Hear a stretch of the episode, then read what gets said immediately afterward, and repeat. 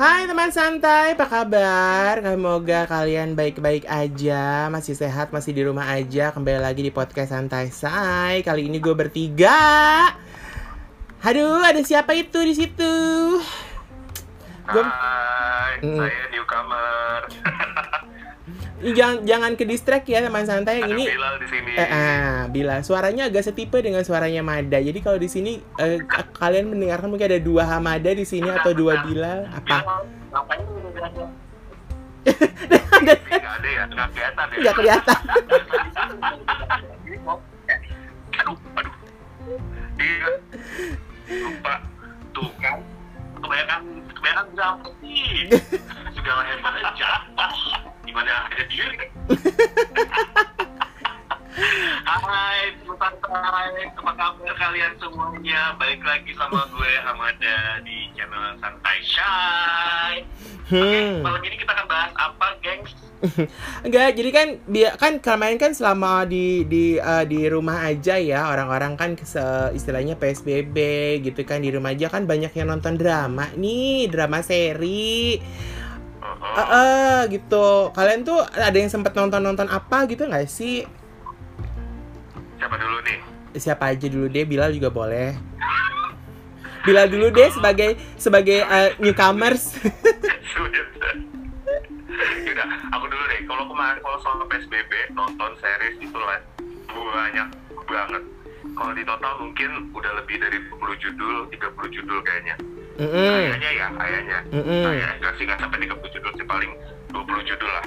Karena mm -hmm. itu ter termasuk dari seriesnya Netflix, terus dari berbagai negara, ada Netflix yang uh, Korea, ada yang Barat, ada yang Spanyol lah. Mm -hmm. Ke drama series Korea yang lagi hits si pelakor-pelakor itu. Oh iya. Aku, aku tidak ketinggalan tentunya. Oke, okay. The World of the Marriage ya. Uh, bukan lagi mm -mm, karena mm -mm. series yang bikin emosi jiwa itu. Mm -mm. Terus uh, apa lagi? Sama baru beberapa hari ini, beberapa minggu inilah lagi mendalami series-series Thailand. Oke. Okay. Banyak banget sih. Gitu. Sementara Hamada dia kayaknya nggak nonton drama deh hidupnya udah drama kayaknya.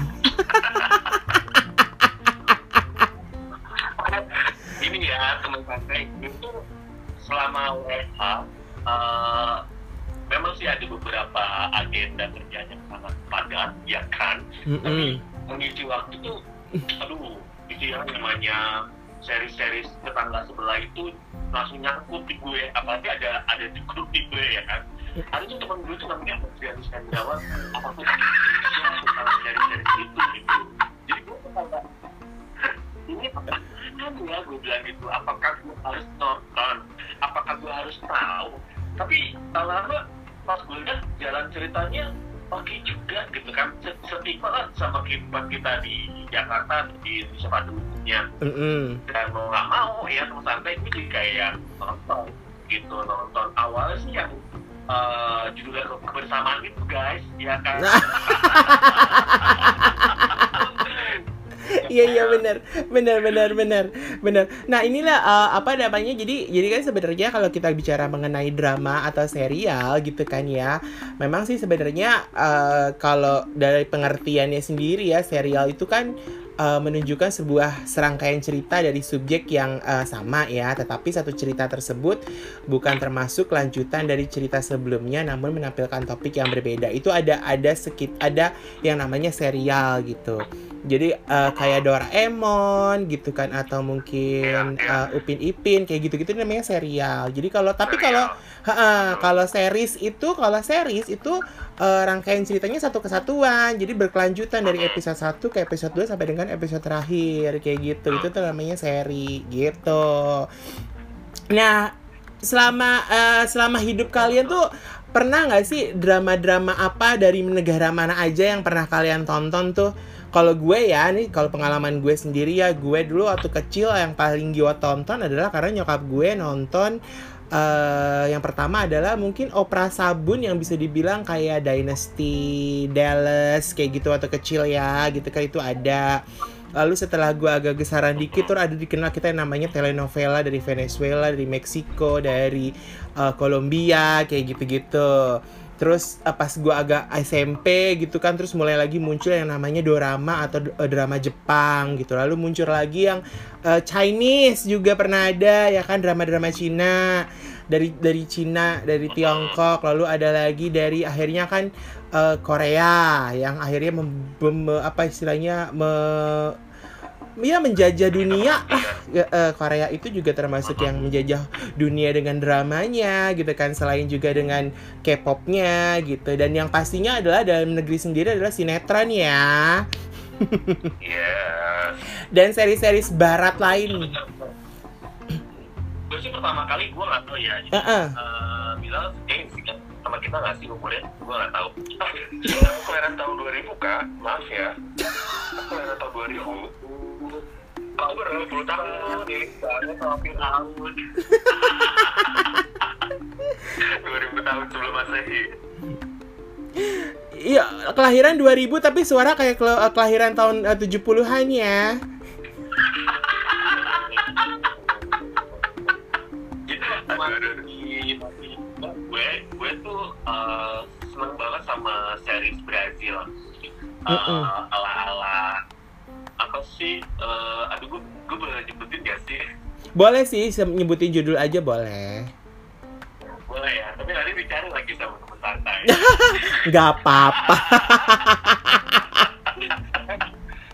bukan bukan itu sih bukan Brazil sih kayak ya pokoknya ala-ala orang sana gitu Latin, Latina lah, Latinos Latina, ya. Latina Mm-mm. Latinos Bunda Latinos Instagram.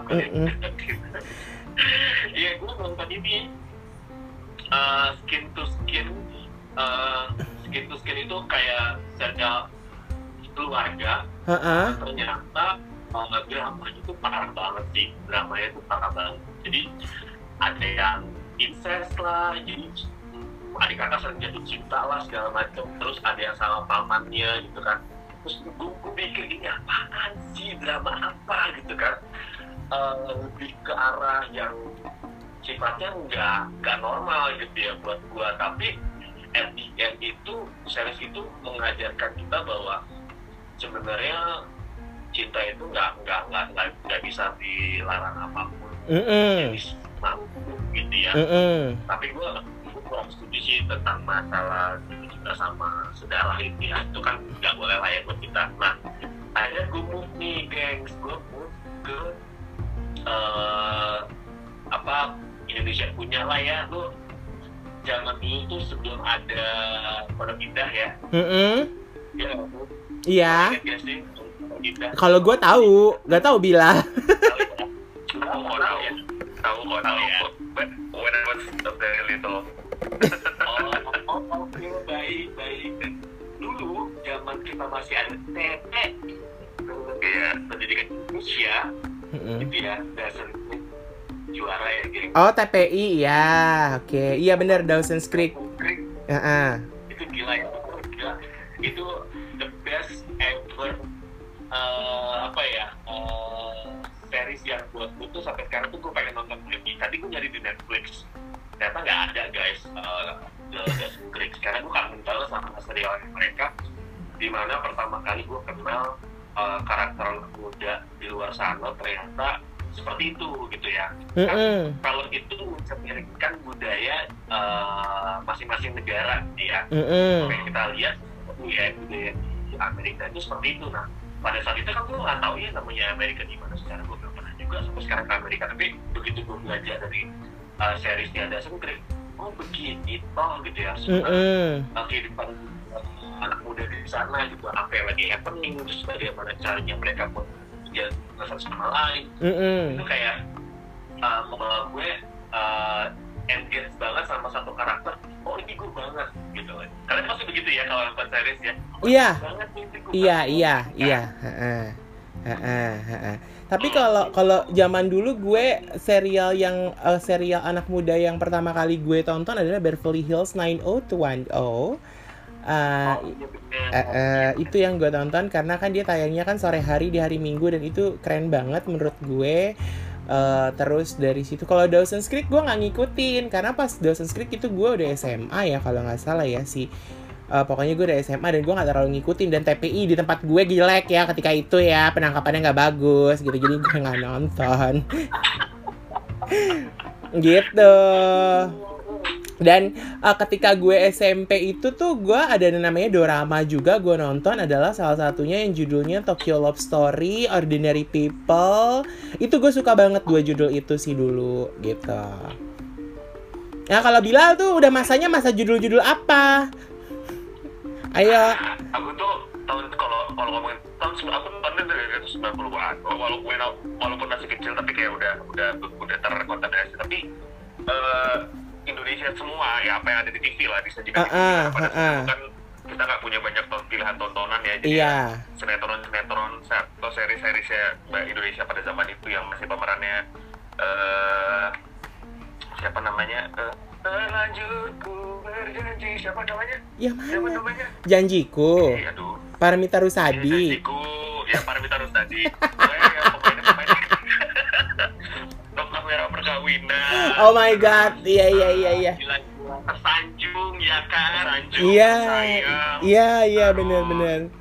Pokoknya pemainnya tuh masih ada Feby Febiola, masih iya. ada uh, Jeremy Thomas, masih ada Jasmara mm -mm. uh, dan lain-lain itu dan itu weekly ya bukan bukan stri bukan stripping ya. Zaman dulu tuh serunya adalah weekly. Jadi setiap hari itu banyak uh, uh, jadi setiap harinya tuh Senin Selasa Rabu Kamis Jumat tuh judulnya tuh beda semua gitu. Ya, jadi kita ya, tuh ya, seru ya, nontonnya.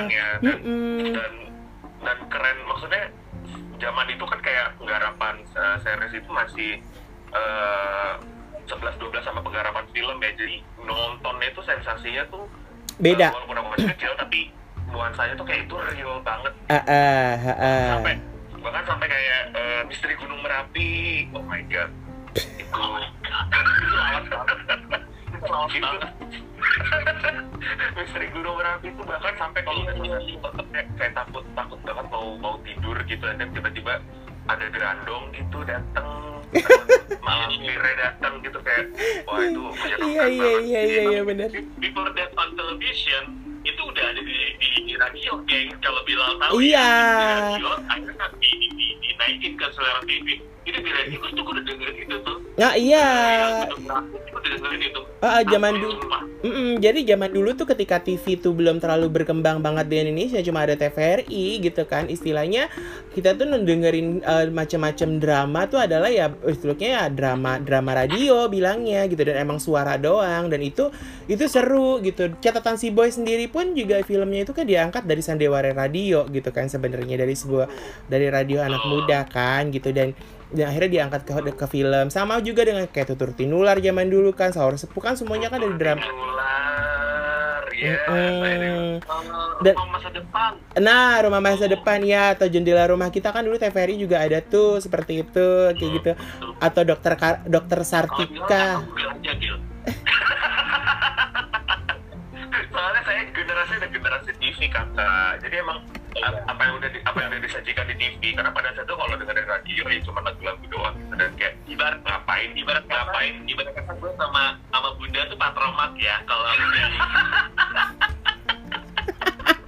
iya benar benar benar benar benar nah jadi emang udah uh, uh. emang udah udah udah anak TV banget lah. Nonton apa yang udah disajikan di TV kalau denger radio kayaknya duduk berjam-jam terus dengerin cerita kayaknya aduh gak deh. Masih masih kecil lah. Hmm, mm, mm, mm, mm. Tapi Uh, uh, tapi kalian tahu nggak sih ada sedikit uh, istilahnya ada sedikit ya perbedaan-perbedaan yang nggak ya perbedaan-perbedaan sedikit ya dengan dengan dengan drama-drama yang sekarang atau serial-serial yang sekarang tayang di televisi atau mungkin di platform nonton atau mungkin di aplikasi film atau apa gitu kan. Yang pertama adalah mungkin kita bahas adalah soal drama Korea ya. Drakor atau drama Korea kan biasanya berjumlah kan nggak terlalu banyak tuh. Jadi udah ditentukan sejak awal dan skenario nya tuh udah dirancang sedemikian rupa dari sampai akhir sehingga tuh alur ceritanya tuh nggak berantakan ke mana-mana gitu. Dan biasanya drama Korea tuh rata-rata mulainya tuh dari 16 hingga 100 episode dan nggak lebih dari 200 episode gitu. Jika ratingnya cukup tinggi ya Makanya biasanya punya potensi bahwa judul salah satu judul itu akan dibuat season berikutnya. Namun tidak nggak semua judul begitu gitu. Tapi ya pokoknya uh, kalau di drama Korea adalah dia sukses dia akan dibikin season kedua. Tapi kalau misalkan dia sukses ya biasanya udah stop juga di situ seperti dulu serial Goblin kan nggak dibikin lagi tuh. Tapi sukses di seluruh dunia malahan kayak gitu gitu itu itu itu itu drama Korea gitu kan. Sementara kita juga kenal yang namanya drama Jepang atau yang kita bisa bilang adalah dorama. Jadi drama Jepang atau dorama itu adalah mempunyai episode yang lebih sedikit yaitu sekitar 8 sampai dengan 12 episode doang gitu. Nah Iya, cuma 8 sampai 12 episode. Jadi makanya sebenarnya drama-drama Jepang itu tuh kalau misalkan zaman dulu kan udah satu judul ini selesai terus kok perasaan baru kemarin tayang kok udah selesai kayak gitu. Emang karena memang mereka dibuatnya tidak terlalu panjang gitu. Jadi untuk menjaga kualitas serial drama itu sendiri gitu sebenarnya dan untuk mendapatkan jalan cerita yang padat dan nggak bertele-tele ya gitu. Jadi biasanya satu konflik akan selesai dalam satu episode dan konflik yang baru akan dimulai di episode yang selanjutnya dan mendekati akhir episode gitu. Nah, jika uh, apa namanya jika ratingnya cukup tinggi ya, cukup bagus, maka akan dibuatkan ya seperti itu tadi. Ada season 1, ada season 2, seperti itu. Itu kayaknya trik yang paling oke okay deh. Nah, Bila ini kan sebenarnya kan kerja gini, Mada ini kerja di creative agency. Bila kerja di satu uh, rumah produksi ya. Iya. Oke. Okay. Dan saya punya pengalaman bekerja di televisi, rumah produksi yeah. dan segala macam.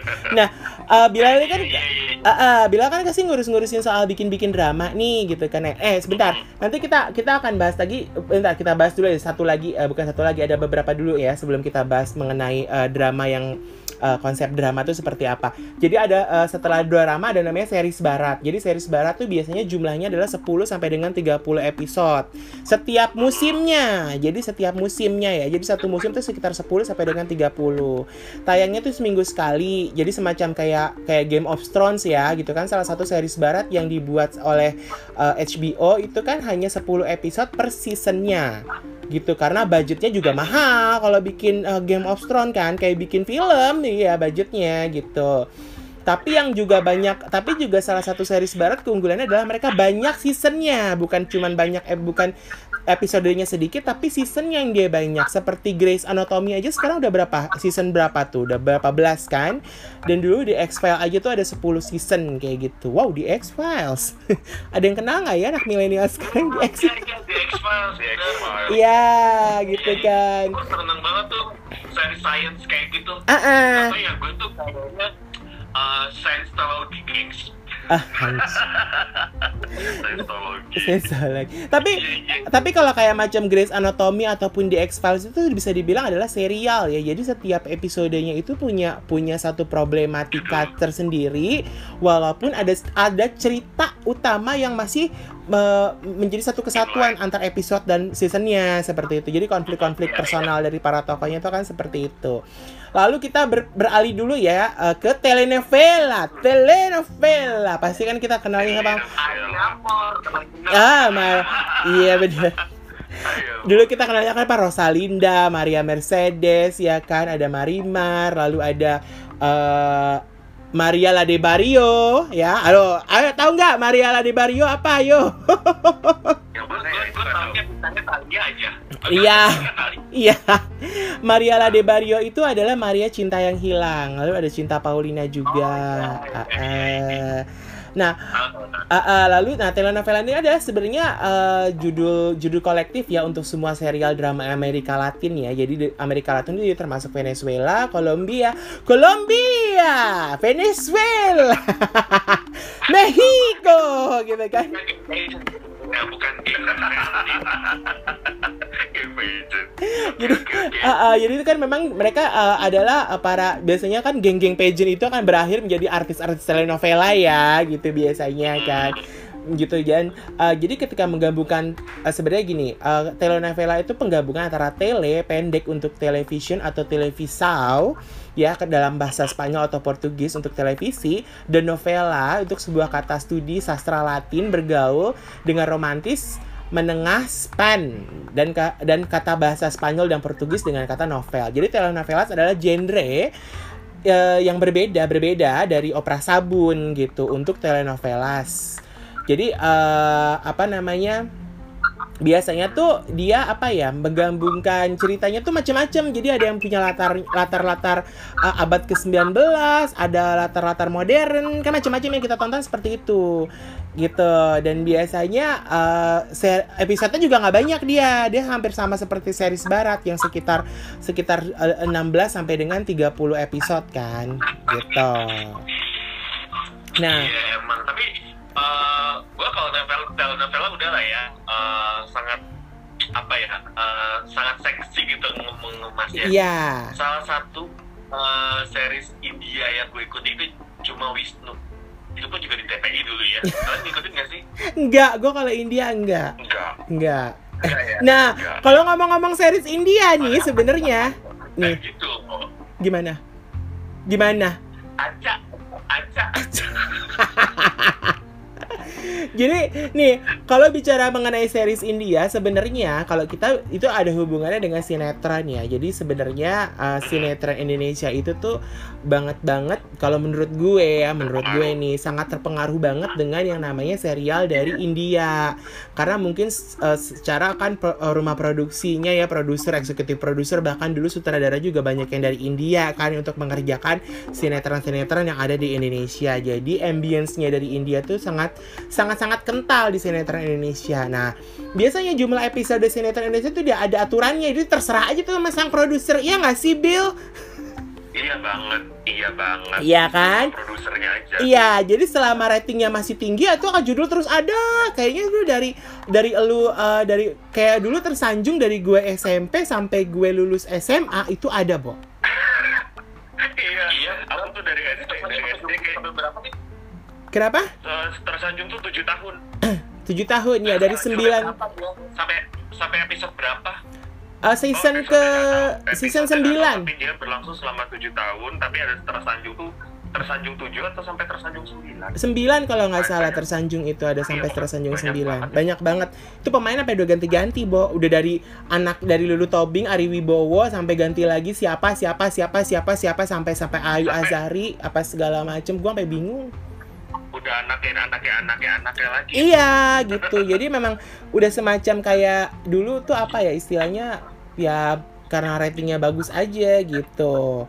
Nah jeleknya tuh memang kalau gue bilang sih memang gak bagus ya seperti itu ya. Jadi pokoknya selama ratingnya masih tinggi tuh bisa sampai 30 ribu episode juga disikat aja ya Bo ya gitu kan. Dan jeleknya lagi adalah sinetron Indonesia itu tuh nggak peduli jalan cerita gitu ya. Yang penting ada sejumlah manusia yang bergerak-gerak depan kamera sambil ada dialog yang bisa didengar gitu kan. Cerita tuh udah nggak tahu ke mana, udah nggak jelas gitu kan, semacam hubungan gitu kan. Nah sinetron tapi kalau kalau kita berkaca dari sinetron zaman dulu mungkin kalau Sidul anak sekolahan atau keluarga Cemara itu kan adalah salah satu sinetron yang memang mereka tuh cuma berapa episode lalu mereka bikin season lagi, season lagi, season lagi. Ya gitu kan. Kalau eh, zaman nah, kalau kita ngomongin keluarga Cemara ataupun Sidul zaman dulu. Nah, kalau sekarang biasanya ya udah hari sekarang tuh udah bener-bener yang sistem kayak orang kerja di dapur hari pagi syuting malam udah tayang Iya benar. nah Iya iya iya. ah, Tapi ah. kalau kalau gue tuh nonton series gue merhatiin semuanya sih nggak sembarangan series gue tonton Yes. ya. Kalau yang kayak sekarang-sekarang itu yang kalian tonton dari negara sebelah tetangga kita itu penting buat gue penting. yes Iya. Mm-mm. Hmm. Contohnya kayak DBK itu gengs. DBK tuh gue seneng banget, openingnya niat banget cuy. apa sih dark blue Cliffs?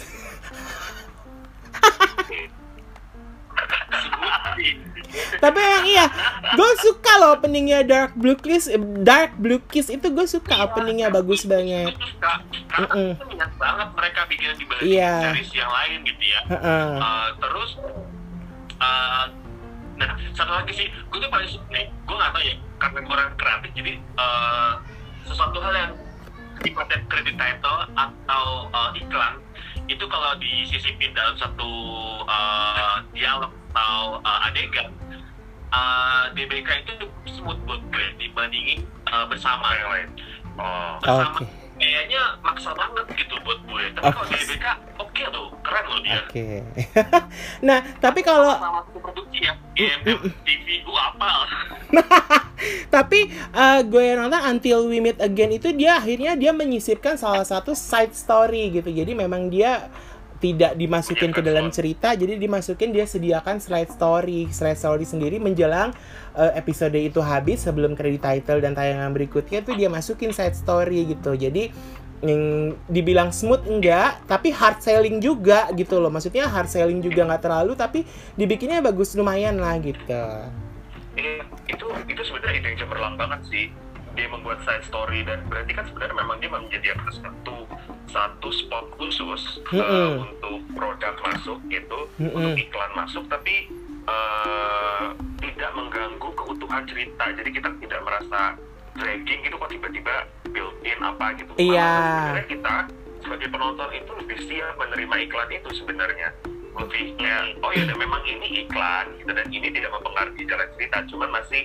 pengadeganannya itu masih inline sama sama uh, cerita secara keseluruhan gitu. Jadi sebenarnya itu sebenarnya ide cemerlang banget sih ngasih yeah. satu spot khusus gitu. Ha-ha. Dan yeah. itu ternyata sudah dilakukan oleh rumah-rumah produksi di Thailand. Bagaimana mereka men, uh, menjual program mereka dengan menyediakan istilahnya slot-slot seperti itu kepada produk-produk yang mau beriklan kepada drama drama-drama yang mereka hasilkan kayak gitu. Dan itu tuh sering hmm. banget mereka lakukan tuh seperti itu gitu.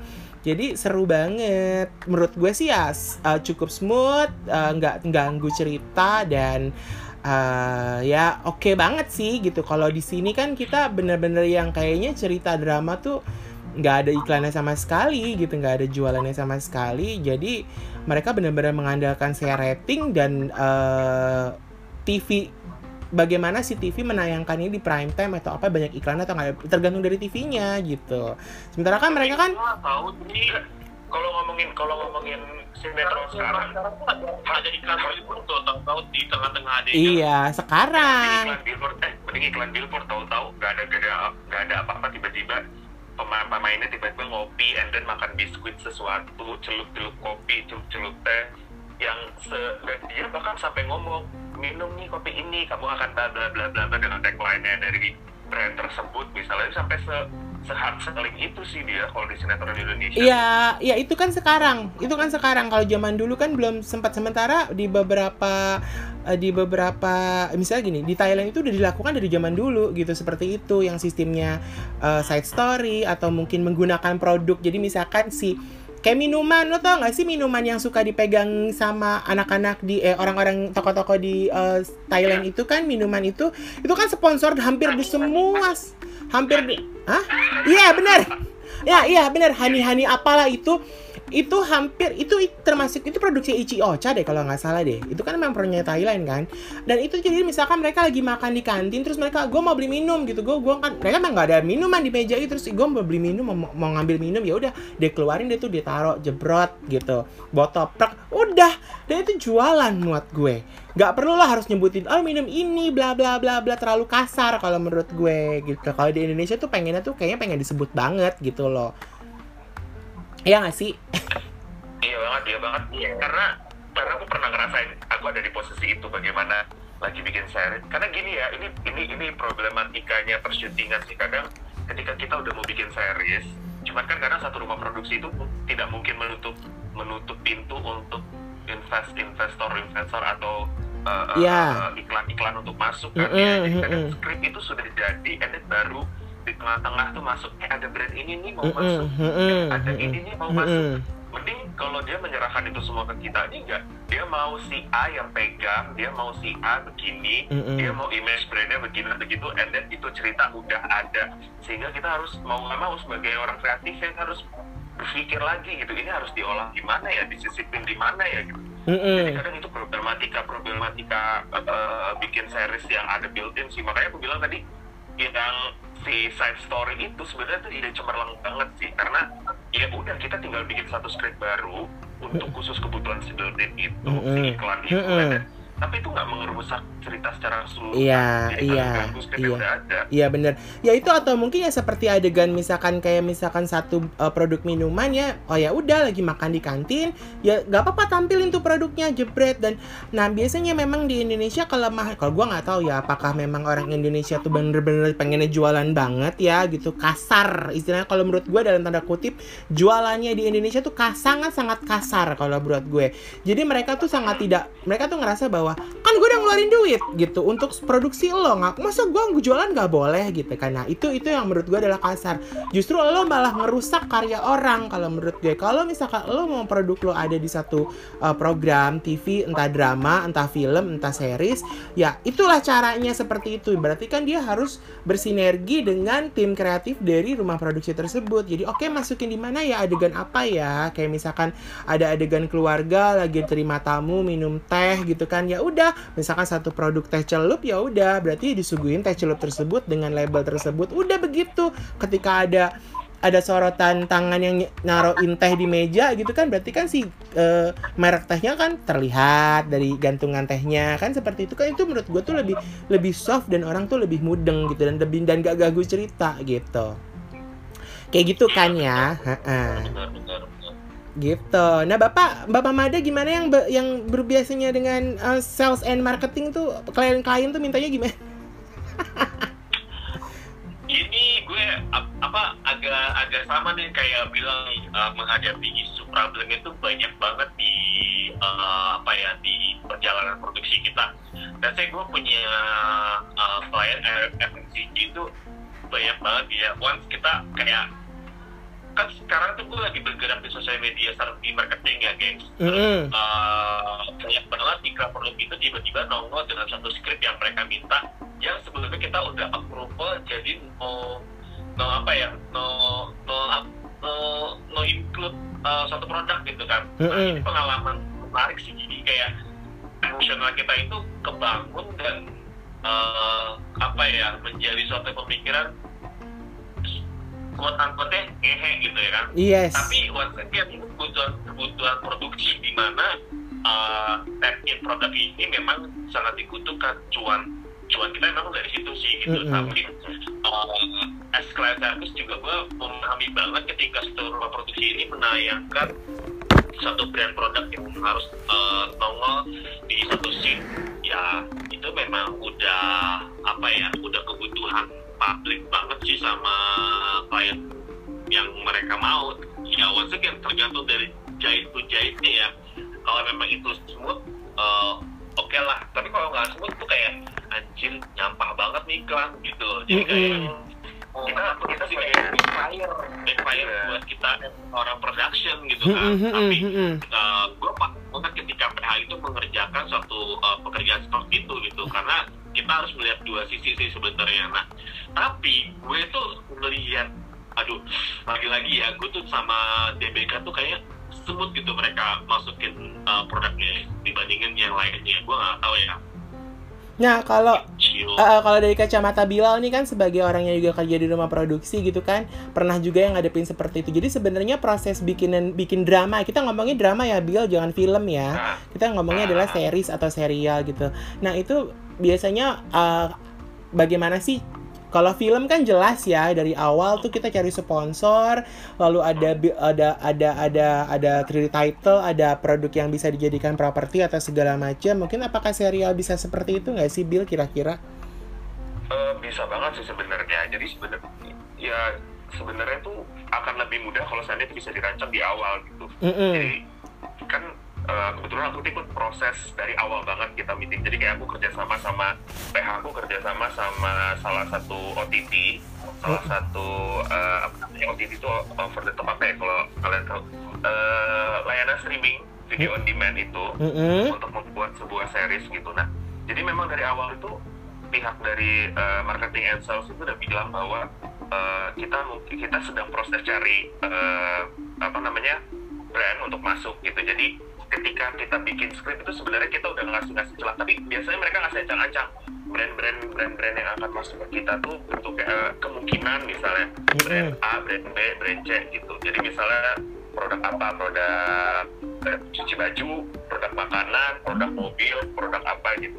Sehingga kita dari bikin script pun itu udah mulai kasih celah-celah sedikit. Kalau mau masuk ini bisa masuk di sini ini bisa masuk di sini. Tapi kadang kan eh, namanya kayak gitu tuh duit duit masuk bisa nggak tahu kapan aja ya Mm-mm. iklan bisa tiba-tiba masuk di tengah kita sedang bahkan tuh di tengah kita sedang proses syuting Mm-mm. tiba-tiba ada ada Yes. kayak eh dapat kabar nih ada brand dari ini Ah, ah. terus eh, harus masuk dua scene eh, dua episode gitu terus sementara kayak adegannya nggak ada. Jadi kita mau nggak mau harus create. Kalau misalnya gini kalau adegan makan adegan minum kan sebenarnya gampang ya. Iya, bisa makan dan minum kapan aja. Dan Iya. obrolan itu bisa terjadi sama iya, makanan itu betul. tapi misalnya kok adegannya cuci baju kok sementara mereka misalnya anak kosan ya dari awal misalnya kita nggak pernah ngeliatin dia cuci baju. Mm-mm.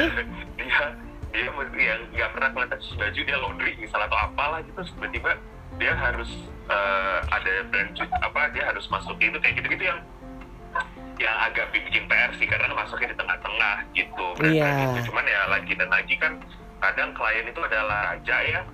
Jadi ya udah ngikutin apa maunya klien. Jadi kita harus kreatif mungkin untuk bisa bisa eh, eh, eh, masukin iklan itu secara smooth banget gitu. Ah, ah, ah, ah, ah, itu ah. sih.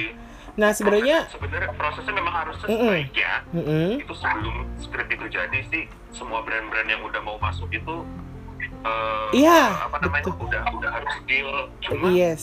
problemnya juga buat brand buat brand itu sendiri ketika apalagi kalau di judulnya baru mereka kan pasti akan bertanya-tanya ya Iya, ya, kalau gambling. ini emang nih bakal berhasil atau enggak gitu Yes, kan. Eh, betul. kayak apa nih ah, ha, ah. series ini kalau Mm-mm. mungkin brand kalau sebenarnya sudah pu- udah jadi brand tersendiri eh, mungkin itu akan lebih mudah buat brand-brand lain untuk tapping di Mm-mm, awal gitu. Karena mereka kayak bisa nggak peduli. Nah nggak peduli pasti ini series pasti berhasil deh gitu.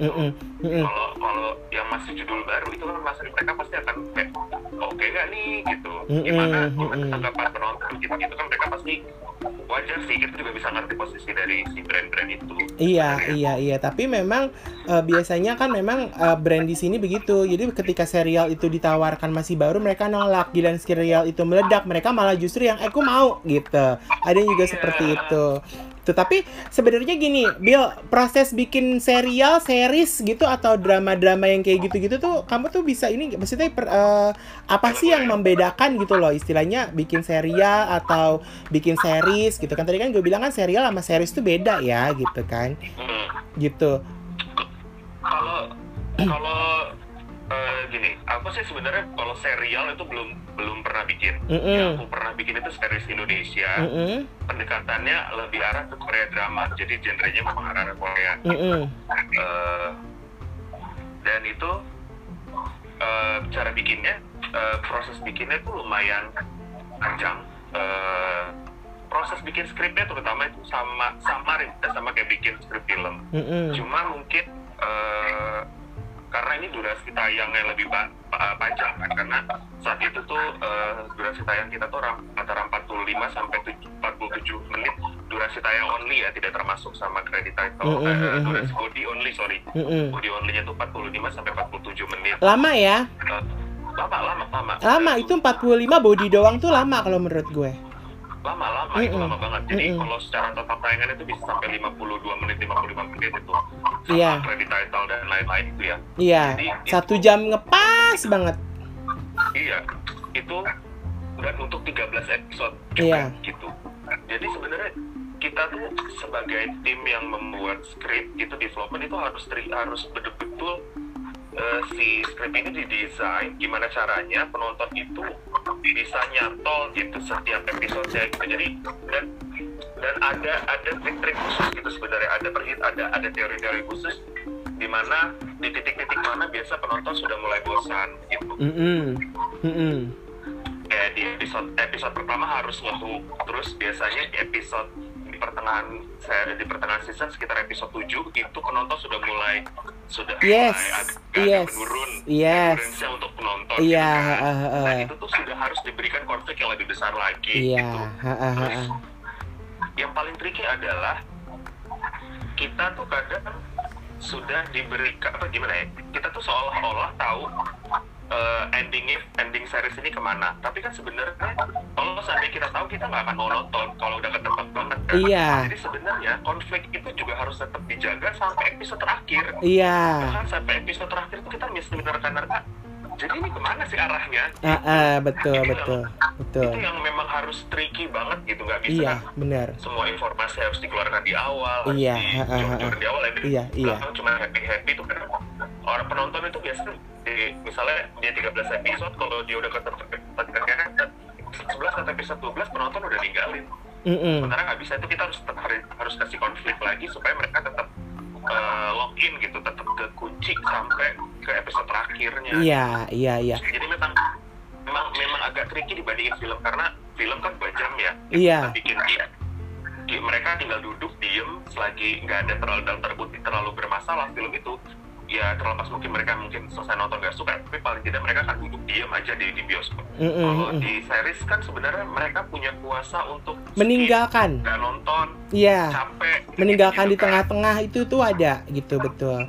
Jadi memang sebenarnya ini juga informasi ya buat teman santai yang kalau misalkan nonton drama atau drama drakor atau drama series ya tiba-tiba. Ih kok konfliknya gak kelar-kelar sih, gak apa sih? Nah itu adalah trik dari para penulis cerita dan penulis skenario atau mungkin para tim kreatif bahwa memang sebuah eh, apa namanya sebuah drama series itu dibikin gimana supaya konflik itu terus ada hingga kalian tuh penonton tuh nonton sampai habis gitu. Dan misalkan Iya kan? Jadi misalkan akhirnya di episode-episode menjelang misalkan 13 episode, berarti di episode 12 konflik yang A, B selesai, berarti yang C sama D diselesaikan di 13 seperti itu. Jadi akhirnya kan betul akhirnya orang tuh oh ya nunggu. Tapi memang benar eh, jam-jam episode-episode membosankan itu adalah 6, 7 dan 8. Tiga episode ini Iya. tuh biasanya akan sangat boring gitu. Kalau